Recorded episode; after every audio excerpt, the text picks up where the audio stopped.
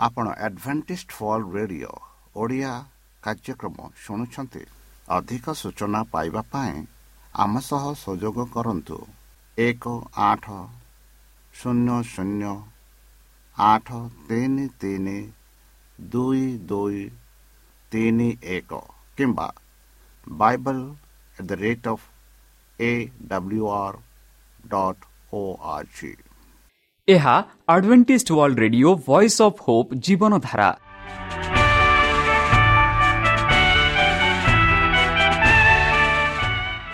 Odia radio କାର୍ଯ୍ୟକ୍ରମ ଯାହା ଆମର ଆନ୍ତର୍ଜାତୀୟ ଆଘାତ କେନ୍ଦ୍ରରୁ ପ୍ରସାରଣ କରାଯାଉଛି ପ୍ରତିଦିନ ରାତି ନଅଟା ତିରିଶ ମିନିଟ୍ରେ। ମୁଁ ସୁବ୍ରତ କୁମାର ପତି ପ୍ରେମର ସହ ଆପଣମାନଙ୍କୁ ଏହି କାର୍ଯ୍ୟକ୍ରମକୁ ସ୍ୱାଗତ କରୁଅଛି। ଚାଲନ୍ତୁ ଆଜିର ତିରିଶ ମିନିଟ୍ର କାର୍ଯ୍ୟକ୍ରମ ବିଷୟରେ ଜାଣିନେବା। ପ୍ରଥମେ ରଖିଛୁ ଆଧ୍ୟାତ୍ମିକ ଭକ୍ତିମୟ ଗୀତ। ଏହାପରେ ଶୁଣିବା ସ୍ୱାସ୍ଥ୍ୟ ବିଷୟରେ ଯାହା ଆମର ଦୈନିକ ଜୀବନରେ ଅତ୍ୟନ୍ତ ଜରୁରୀ। ଆଉ ପରିଶେଷରେ ଶୁଣିବା ପରମେଶ୍ୱରଙ୍କ ଭକ୍ତଙ୍କଠାରୁ ଜୀବନଦାୟକ ଈଶ୍ୱରଙ୍କ ବାକ୍ୟ। ପ୍ରିୟ ଶ୍ରୋତା ତାହେଲେ ଚାଲନ୍ତୁ ଶୁଣିବା ଏକ ଆଧ୍ୟାତ୍ମିକ ଭକ୍ତିମୟ ଗୀତ।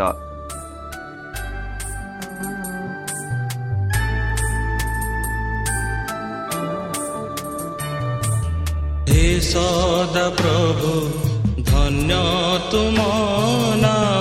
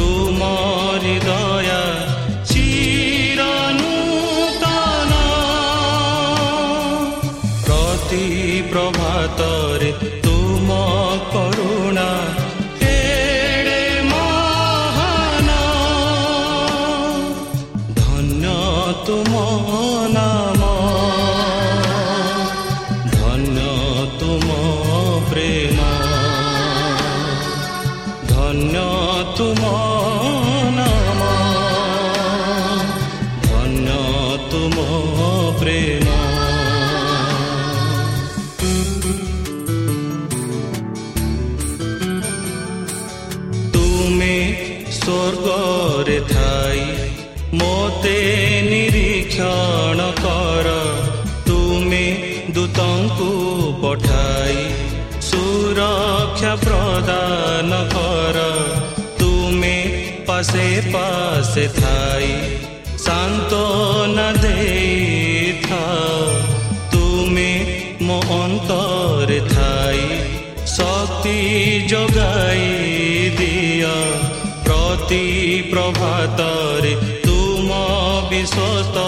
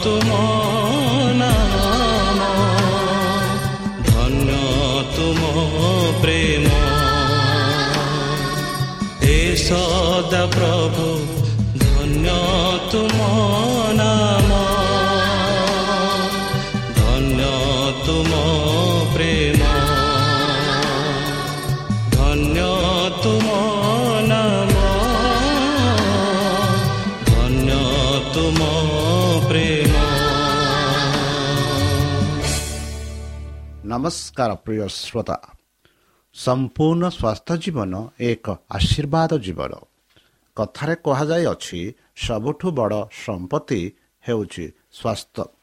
ଯଦି ଆପଣ ଆପଣା ଶରୀରର ଯତ୍ନ ନ ନେବେ ତେବେ ଆପଣ କେଉଁଠାକୁ ଯିବେ? ପ୍ରିୟ ଶ୍ରୋତା ଚାଲନ୍ତୁ ଆଜି ଆମେ ସ୍ୱାସ୍ଥ୍ୟ ବିଷୟରେ ସୂଚନା ନେବା। ଆଜିର ବିଷୟବସ୍ତୁ ହେଉଛି ଆମଲିତି ପତ୍ର। ଆମଲିତି ପ୍ରାୟ ସବୁ ଜାଗାରେ ମିଳିଥାଏ। ଏହାର ଭୃନ୍ତ ତିନି ଟୁ ଦଶ ଇଞ୍ଚ ପର୍ଯ୍ୟନ୍ତ ଲମ୍ବା ହୋଇଥାଏ ଓ ଭୃନ୍ତ ଉପରେ ତିନୋଟି ପତ୍ର ହୃଦୟ ଚିହ୍ନ ଭଲି ଥାଏ। ପତ୍ରକୁ ଖାଇଲେ ଖଟା ଲାଗେ। ଏହାକୁ ଚଟଣି କରି ମଧ୍ୟ ଖାଆନ୍ତି। ଏହାର ସାଧାରଣତ୍ୱ ଶାଗ ପଟାଳି ଓ ଫୁଲ କୁଣ୍ଡ ପାଖରେ ବହୁଳ ଭାବେ ହୋଇଥାଏ। ଫୁଲ ହଳଦିଆ ଓ ଗୋଲାପୀ ରଙ୍ଗର ହୋଇଥାଏ। ତାହେଲେ ଚାଲନ୍ତୁ ଏହାର ଉପକାର ବିଷୟରେ ଆଜି ଆମେ ଆଲୋଚନା କରିବା। ମୁଣ୍ଡ ବ୍ୟଥା।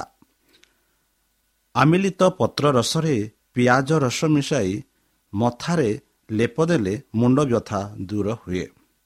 ଆମିଲିତି ପତ୍ର ରସରେ ସମ ପରିମାଣର ପାଣି ମିଶାଇ ଦୁଇଠୁ ତିନି ବନ୍ଧୁ ବୁନ୍ଦ କାନରେ ପକାଇଲେ ଲାଭ ମିଳିଥାଏ।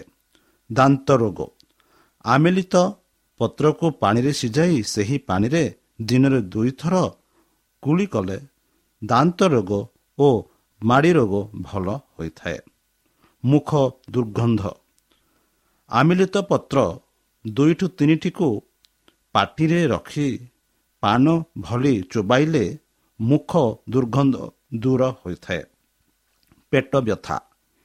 ଆମିଲିତି ପତ୍ରକୁ ପାଣିରେ ସିଝାଇ ସେହି କ୍ଷାତରୁ ଚାଳିଶ ଟୁ ଷାଠିଏ ଗ୍ରାମରେ ଭଜା ହେଙ୍ଗୁ ମିଶାଇ ସକାଳ ଓ ସନ୍ଧ୍ୟାରେ ସେବନ କଲେ ପେଟ ବ୍ୟଥା ଦୂର ହୁଏ।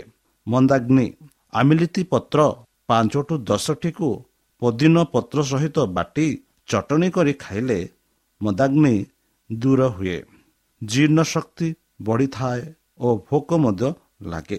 ଅର୍ଷ ଏମିଲିତି ପଞ୍ଚାଗୁଙ୍କୁ ଘିଅରେ ଭାଜି ଶାଗ କରି ଦହି ସହିତ ଖାଇଲେ ଅର୍ଷରେ ଲାଭ ମିଳେ। ଗର୍ଭାଶୟ କିମ୍ବା ମଳଦ୍ୱାର ବାହାରକୁ ଆସିଥିଲେ।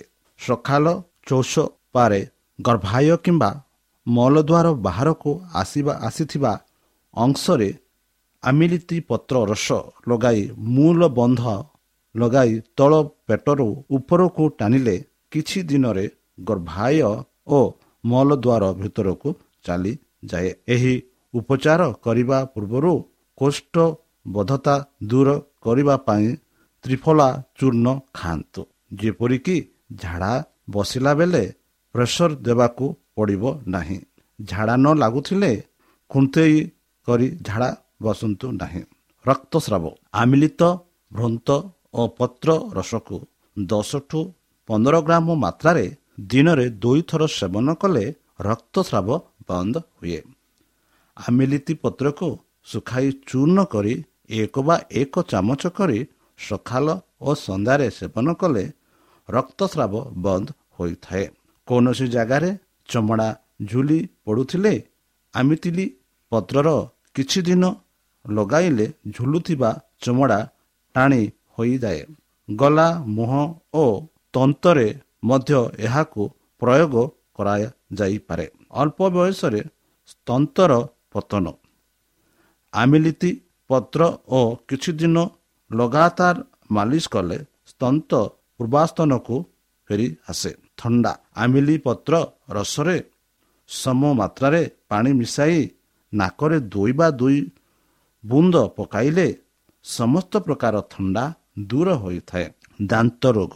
ଆମିଲିତି ପତ୍ରକୁ ଶୁଖାଇ ଗୁଣ୍ଡ କରି ଦାନ୍ତ ଘଷା ପେଷ୍ଟରେ ପେଷ୍ଟରେ ମିଶାଇ ଦାନ୍ତ ଘଷିଲେ ସମସ୍ତ ଦାନ୍ତ ରୋଗ ଭଲ ହୋଇଥାଏ।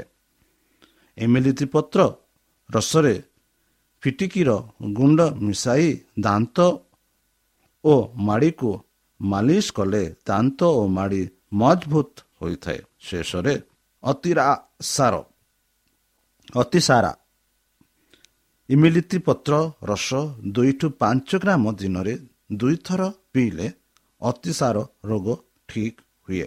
ପ୍ରିୟ ଶ୍ରୋତା ମୁଁ ଆଶା କରୁଛି କି ଏହି ସ୍ୱାସ୍ଥ୍ୟ ଟିପଣ ଆପଣଙ୍କୁ ଓ ଆପଣଙ୍କ ପରିବାରଙ୍କୁ ସାହାଯ୍ୟ କରୁଥିବ।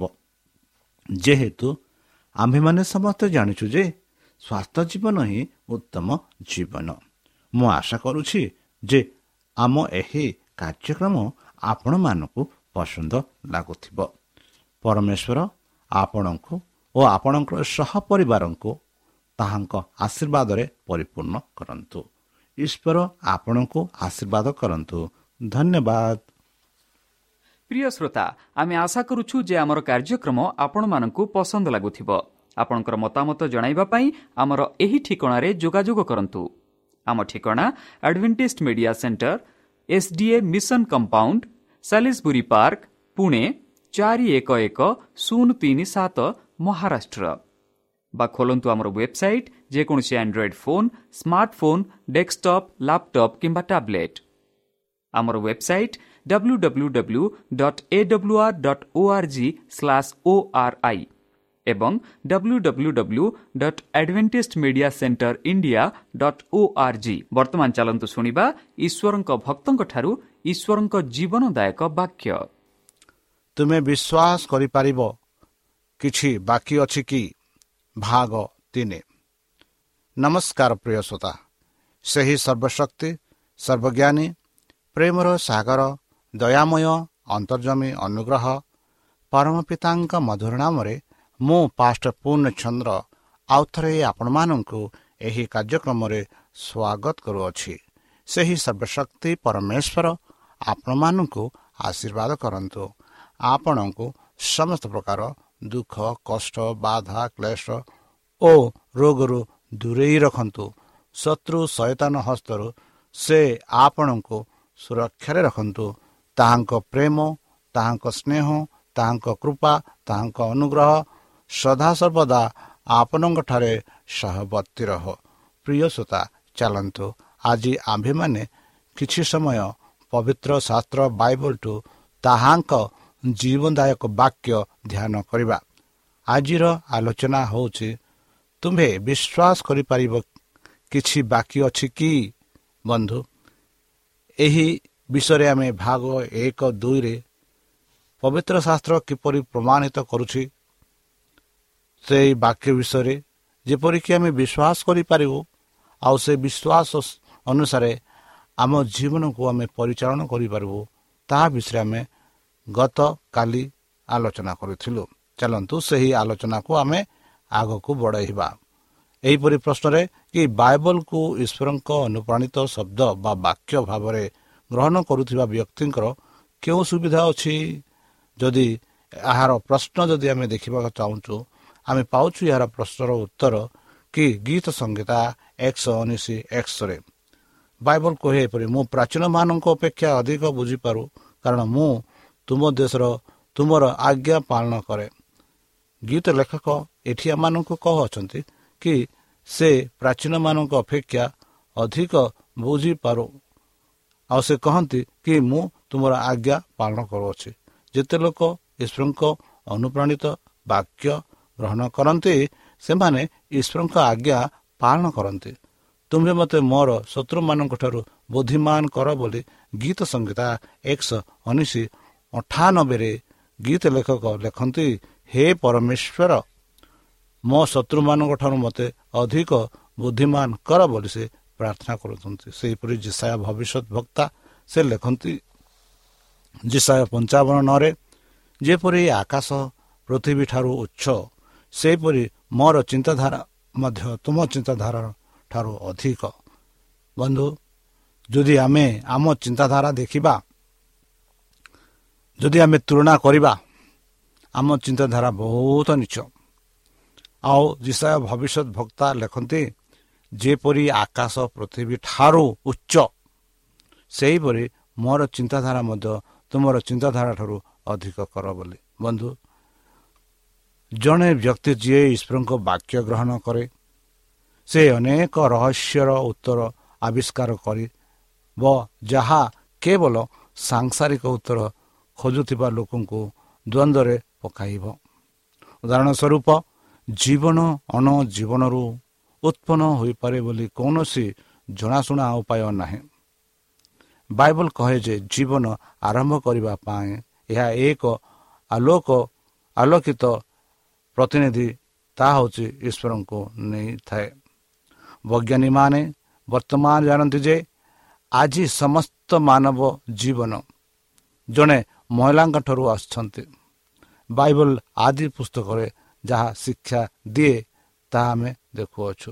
ବନ୍ଧୁ ଆପଣ ଏହା ମଧ୍ୟ ଜାଣିପାରିବେ ଯେ ଈଶ୍ୱର ଛଅଟି ଆକ୍ଷାରିକ ଚବିଶ ଘଣ୍ଟା ଦିନରେ ଜଗତ ସୃଷ୍ଟି କରିଛନ୍ତି। ସମଗ୍ର ବିଶ୍ୱରେ ବନ୍ୟା ସମୁଦ୍ର ଜୀବନ ଏବଂ ହଜାର ହଜାର ପଶୁପକ୍ଷୀ ଏବଂ ଜାହାଜ ଭିତରେ ଥିବା ସମସ୍ତ ଜୀବଜନ୍ତୁ ନଷ୍ଟ କରିଦେଲା ଏବଂ ବିଭିନ୍ନ ବିଶ୍ୱ ଭାଷା ବାବୁଲ ଟାୱାରରେ ଉତ୍ପନ୍ନ ହୋଇଥିଲା ବୋଲି ଆମେ ଦେଖୁଅଛୁ। ବନ୍ଧୁ ଈଶ୍ୱର ଯିଏ ସର୍ବଦା ବିଦ୍ୟମାନ ଅଟନ୍ତି ଏବଂ ସବୁକିଛି ଜାଣନ୍ତି ଏହି ସବୁଗୁଡ଼ିକୁ ବାଇବଲରେ ଆମ ସହ ବାଣ୍ଟିଛନ୍ତି। ଏହାର ଶିକାର କରିଛନ୍ତି ଯେ ଆମେ ସେଗୁଡ଼ିକୁ ନିଜେ ଜାଣିପାରିବା ନାହିଁ। ଈଶ୍ୱରଙ୍କ ଜ୍ଞାନ ଅତିରିକ୍ତ ସନ୍ଧାନ ବୋଲି ରୋମିଓ ତେତିଶ ତେତିଶରେ ଆମେ ପାଉଅଛୁ। ବାଇବଲକୁ ବିଶ୍ୱାସ କର ଏବଂ ତୁମେ ସର୍ବଦା କେବଳ ମନୁଷ୍ୟର ଜ୍ଞାନ ଠାରୁ ଆଗରେ ରହିବ ବୋଲି ପବିତ୍ର ଶାସ୍ତ୍ର ବାଇବଲ ଆମମାନଙ୍କୁ କହୁଛି କି ଆମେ ବାଇବଲକୁ ବିଶ୍ୱାସ କରିବା। ଯେବେ ଆମେ ବାଇବଲକୁ ବିଶ୍ୱାସ କରିବା ସର୍ବଦା ଅନ୍ୟ ମଣିଷମାନଙ୍କ ଠାରୁ ଜ୍ଞାନ ରୂପେ ଆମେ ରହିବା ବୋଲି ପବିତ୍ର ଶାସ୍ତ୍ର ବାଇବଲ ଆମକୁ ଷଷ୍ଠ ରୂପେ କହୁଛେ। ଯେପରିକି ଆଉ ଗୋଟିଏ ପ୍ରଶ୍ନ ଉଠିଥାଏ କେଉଁ ସମ୍ରାତିକ ଘଟଣା ବାଇବଲର ଶକ୍ତି ଏବଂ ଆଦେଶ ନକୁ ତୀବ୍ର ଧ୍ୟାନରେ ଆଣିଛି? ବନ୍ଧୁ ଏହାର ଉତ୍ତର ଆମେ ପାଉଛୁ ଏହିପରି ଯେପରିକି ବଢ଼ୁଥିବା ପ୍ରାକୃତିକ ବିପର୍ଯ୍ୟୟ ଏବଂ ବିଶ୍ୱବ୍ୟାପୀ ଆତଙ୍କବାଦର ବୃଦ୍ଧି ବାଇବଲ ଦ୍ୱାରା ପୁନର୍ନୁମାନ କରାଯାଇଥିବା ସଂକେତ ଅଟେ। ଯେଉଁଥିରେ କୁହାଯାଇଛି ଯେ ଶେଷରେ ପୃଥିବୀର ଜାତିସଂଘର ଦୁଃଖ ଦ୍ୱନ୍ଦ୍ୱ ପକ୍ଷ ମୁଦ୍ର ଏବଂ ତରଙ୍ଗ ଗର୍ଜନ ରହିଛି। ବନ୍ଧୁ ସୁନାମି କେବଳ ଗୋଟିଏ ଉଦାହରଣ ଯଦି ଆମେ ଦେଖିବା ଡିସେମ୍ବର ଛବିଶ ଦୁଇ ହଜାର ଚାରିରେ ଯେଉଁ ସୁନାମି ହୋଇଥିଲା ଏହା ଏକ ଉଦାହରଣ। ଆଧୁନିକ ଇତିହାସରେ ସବୁଠାରୁ ଭୟଙ୍କର ପ୍ରାକୃତିକ ବିପର୍ଯ୍ୟୟ ମଧ୍ୟରୁ ଦୁଇ ହଜାର ଦୁଇଶହ ଦୁଇ ଲକ୍ଷ ପଚାଶ ହଜାର ଲୋକରୁ ଅଧିକ ଲୋକ ମୃତ୍ୟୁ କିମ୍ବା ନିଖୋଜ ଥିବା ଜଣାଯାଇଛି।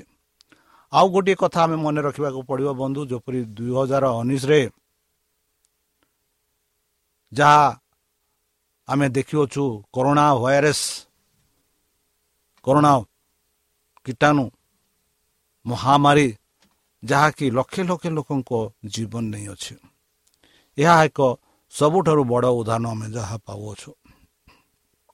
ବନ୍ଧୁ ଏକ ବର୍ଷ ପରେ କାଟ୍ରିନା ନୂଆ ଓଡ଼ିଆରେ ଛିଣ୍ଡିଗଲା। ପୁଣି ଥରେ ଯୀଶୁଙ୍କ ବାକ୍ୟ ଭବିଷ୍ୟତବାଣୀ ଶକ୍ତିକୁ ମନେ ପକାଇଲା ଯେ ତରଙ୍ଗ ଗର୍ଜନ କରିବ। ବନ୍ଧୁ ବାଇବଲ ଆହୁରି ମଧ୍ୟ ଭବିଷ୍ୟତବାଣୀ କରୁଛି ଯେ ଜାତି ଜାତି ବିରୁଦ୍ଧରେ ଉଠିବ ଯଦି ଆପଣମାନେ ଟିକିଏ ଧ୍ୟାନ ଦେବ ଆମ ଦେଶ ଭାରତରେ କିପରି ଜାତି ଜାତି ବିରୁଦ୍ଧରେ ଚାଲିଅଛି ବା ଅନ୍ୟ ଦେଶରେ ମଧ୍ୟ କିପରି ଜାତିର ଫରକ ରହିଅଛି ଏହା ଉଠିବ ବୋଲି ପବିତ୍ର ଶାସ୍ତ୍ର ବାଇବଲ ମାନଙ୍କୁ ହେଉଛି ମାଥ୍ୟୁ ଚବିଶ ସାତରେ ଯେପରିକି ସେପ୍ଟେମ୍ବର ଏଗାର ଦୁଇଶହ ଏକରେ ବିଶ୍ୱ ବାଣିଜ୍ୟ କେନ୍ଦ୍ର ଦୁର୍ଗ ଉପରେ ହୋଇଥିବା ଭୟଙ୍କର ଆକ୍ରମଣ ପରେ ଲୋକମାନେ ଅନୁଭବ କଲେ ଯେକୌଣସି ରାଷ୍ଟ୍ର ପ୍ରକୃତରେ ସୁରକ୍ଷିତ ନୁହେଁ ସେ ଯେଉଁ ଦୁର୍ଘଟଣା ଆପଣ ଜାଣିଥିବେ ଯାହା ଘଟିଥିଲା ସେପ୍ଟେମ୍ବର ଏଗାର ଦୁଇଶହ ଏକ ମଧ୍ୟ ପୂର୍ବରେ ଚାଲିଥିବା ବିବାଦ ଏବଂ ଆତଙ୍କବାଦର ଯନ୍ତ୍ରଣା ଲୋକମାନଙ୍କୁ ବାଇବଲକୁ ଶକ୍ତି ଏବଂ ଆଶାର ଉଚ୍ଚ ଭାଷରେ ଭାବରେ ଆଣିଛି।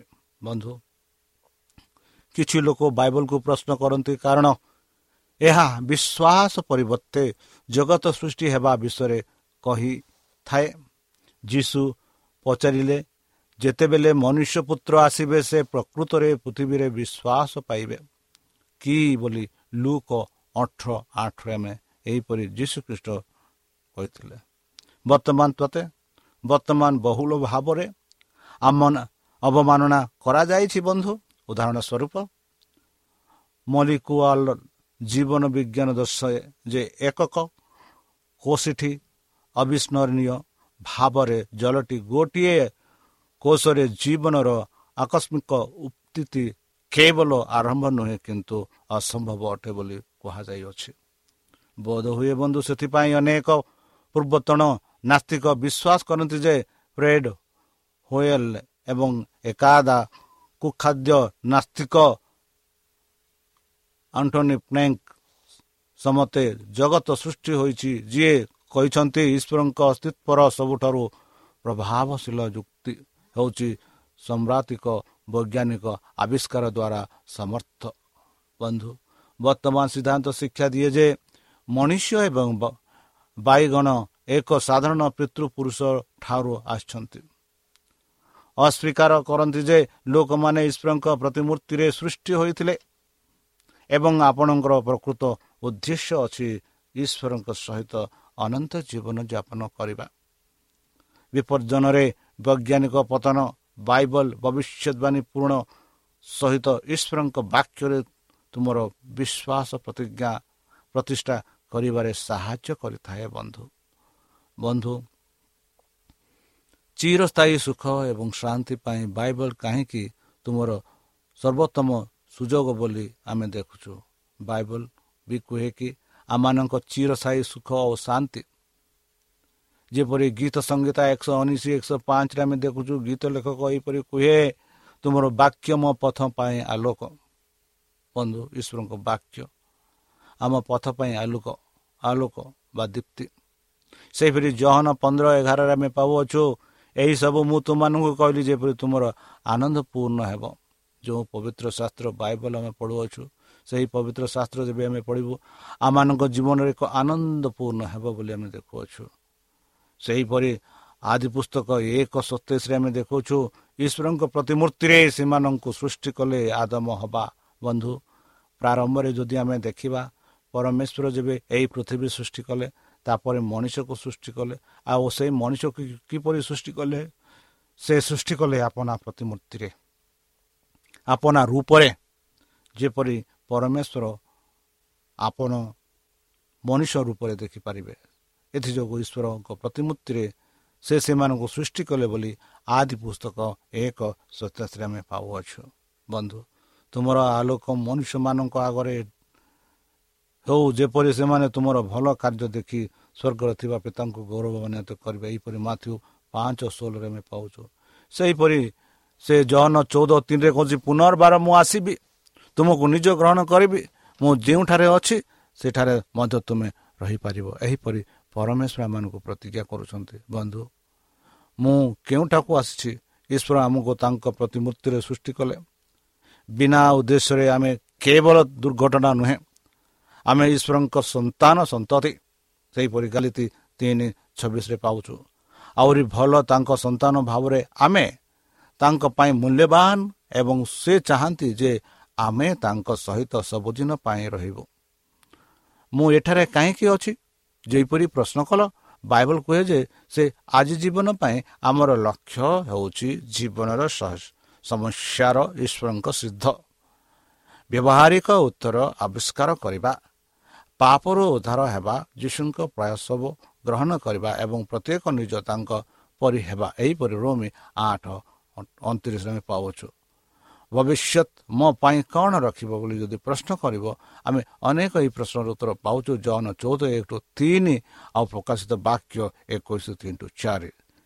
ଆପଣ ତୁମ ଅନୁମାନ କରିବା ଆବଶ୍ୟକ କରନ୍ତି ନାହିଁ। ଆଜି ଆପଣ କେବଳ ଅଧିକ ଶାନ୍ତି ଏବଂ ଆନନ୍ଦ ଅନୁଭବ କରିବେ ନାହିଁ। ବାଇବଲ କୁହେ ଯେ ଯୀଶୁ ଖୁବ୍ ଶୀଘ୍ର ଆସିବେ ଏବଂ ନିଜ ଲୋକଙ୍କ ସ୍ୱର୍ଗ ପ୍ରସ୍ତୁତ କରୁଥିବା ଚମତ୍କାର ଘରକୁ ନେଇଯିବେ।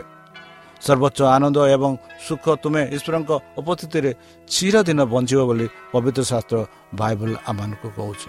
ତାହେଲେ ଜୀବନ ସବୁଠାରୁ ବିସ୍ମୟଙ୍କର ପ୍ରଶ୍ନ ସ୍ନେହପୂର୍ଣ୍ଣ ଉତ୍ତର ଦେଇଥିବାରୁ ତୁମେ ଈଶ୍ୱରଙ୍କୁ ଧନ୍ୟବାଦ ଦେଉଛ କି ବନ୍ଧୁ? ପରମେଶ୍ୱର ଆମମାନଙ୍କୁ ଏମିତି ରୂପରେ ସୃଷ୍ଟି କଲେ। ଯେପରି ତାଙ୍କ ସୃଷ୍ଟି ଦ୍ୱାରା ଆମେ ମନୁଷ୍ୟ ରୂପେ ରହି ମଣିଷ ରୂପ ହୋଇଅଛୁ ତାଙ୍କ ରୂପ ଆମେ ନେଇଅଛୁ ଯେପରି ତାଙ୍କ ରୂପରେ ଆମେ ଯେବେ ନେଇଅଛୁ ସେହି ରୂପରେ ଆମେ ପରମେଶ୍ୱରଙ୍କୁ ଆରାଧନା ପ୍ରଶଂସା କରିପାରିବା। ତାହେଲେ ପ୍ରିୟ ଶ୍ରୋତା ଚାଲନ୍ତୁ। ନିଜକୁ ସମର୍ପଣ କରି ସେହି ଯୀଶୁଖ୍ରୀଷ୍ଟଙ୍କ ନାମରେ ଆମେ ପ୍ରାର୍ଥନା ଅର୍ପଣ କରିବା। ହେ ଆମ୍ଭମାନଙ୍କ ସର୍ବଶକ୍ତି ସର୍ବଜ୍ଞାନୀ ପ୍ରେମର ସାଗର ଦୟାମୟ ଅନ୍ତର୍ଜମୀ ଅନୁଗ୍ରହ ପରମ ପିତା ଧନ୍ୟବାଦ ଅର୍ପଣ କରୁଅଛୁ ପ୍ରଭୁ। ବର୍ତ୍ତମାନ ଯେଉଁ ବାକ୍ୟ ତୁମ ଭକ୍ତ ଦ୍ୱାରା ଆମେ ଶୁଣିଲୁ ସେ ବାକ୍ୟ ଅନୁସାରେ ଆମମାନଙ୍କୁ ଚାଲିବା ପାଇଁ ବୁଦ୍ଧିରେ ଜ୍ଞାନରେ ଶକ୍ତିରେ ପରିପୂର୍ଣ୍ଣ କର। ଆମ ପାପ ସବୁ ତୁମ ସେହି ବହୁମୂଲ୍ୟ ରକ୍ତରେ ପରିଷ୍କାର ରୂପେ ଧୋଇଦିଅ ପରିଶେଷ ଯେବେ ତୁମେ ତୁମ ସେହି ସାହସର ଦୂତଙ୍କ ସହ ଆସିବେ ସେତେବେଳେ ଆମମାନଙ୍କୁ ଏକ ବାସସ୍ଥାନ ଦେବ ବୋଲି ତ୍ରାଣକର୍ତ୍ତା ପ୍ରଭୁ ଯୀଶୁଙ୍କ ମଧୁରମୟ ନାମରେ ଏହି ଛୋଟ ବିକ୍ଷମା ହେଉଛି ସେ ନିଗ୍ରହଣ କର। ଆମେନ୍। ପ୍ରିୟ ଶ୍ରୋତା ଆମେ ଆଶା କରୁଛୁ ଯେ ଆମର କାର୍ଯ୍ୟକ୍ରମ ଆପଣମାନଙ୍କୁ ପସନ୍ଦ ଲାଗୁଥିବ। ଆପଣଙ୍କର ମତାମତ ଜଣାଇବା ପାଇଁ ଆମର ଏହି ଠିକଣାରେ ଯୋଗାଯୋଗ କରନ୍ତୁ। ଆମ ଠିକଣା Adventist media centre SDA mission compound Salisbury park Pune ଚାରି ଏକ ଏକ ଶୂନ ତିନି ସାତ ମହାରାଷ୍ଟ୍ର। ବା ଖୋଲନ୍ତୁ ଆମର ୱେବସାଇଟ୍ ଯେକୌଣସି android phone smartphone desktop laptop କିମ୍ବା ଟ୍ୟାବ୍ଲେଟ୍ ଆମର website W W W dot A W R dot O R G slash O R I ଏବଂ W W W dot Adventist media centre India dot O R G Adventist media centre ଇଣ୍ଡିଆର spelling ହେଉଛି A D V E N T I S T M E D I A C E N T R E I N D I A ଅଥବା download କରନ୍ତୁ ଆମର mobile app ଆପଣଙ୍କର mobile play ଷ୍ଟୋରକୁ ଯାଆନ୍ତୁ ଆଉ type କରନ୍ତୁ the voice of Hope ଆଉ download କରନ୍ତୁ। ଈଶ୍ୱର ଆପଣଙ୍କୁ ଆଶୀର୍ବାଦ କରନ୍ତୁ। ଧନ୍ୟବାଦ। ହେ ସଦା ପ୍ରଭୁ ଧନ୍ୟ ତୁମ ନାମ। ପ୍ରେମ ହେ ସଦା ପ୍ରଭୁ ଧନ୍ୟ ତୁମ ନାମ ଧନ୍ୟ ତୁମ ପ୍ରେମ ପ୍ରତି ପ୍ରଭାତରେ ତୁମରି ଦୟା ଚିରନୂତନ ପ୍ରତି ପ୍ରଭାତରେ ତୁମ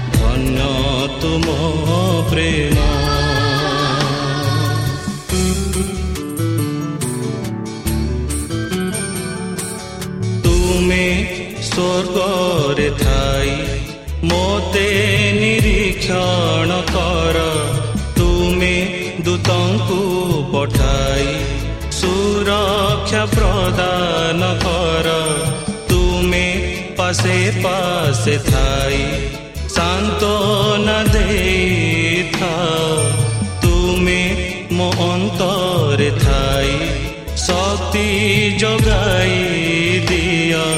প্রতি প্রভাতরে তুম বিশ্বস্ততা চিরানু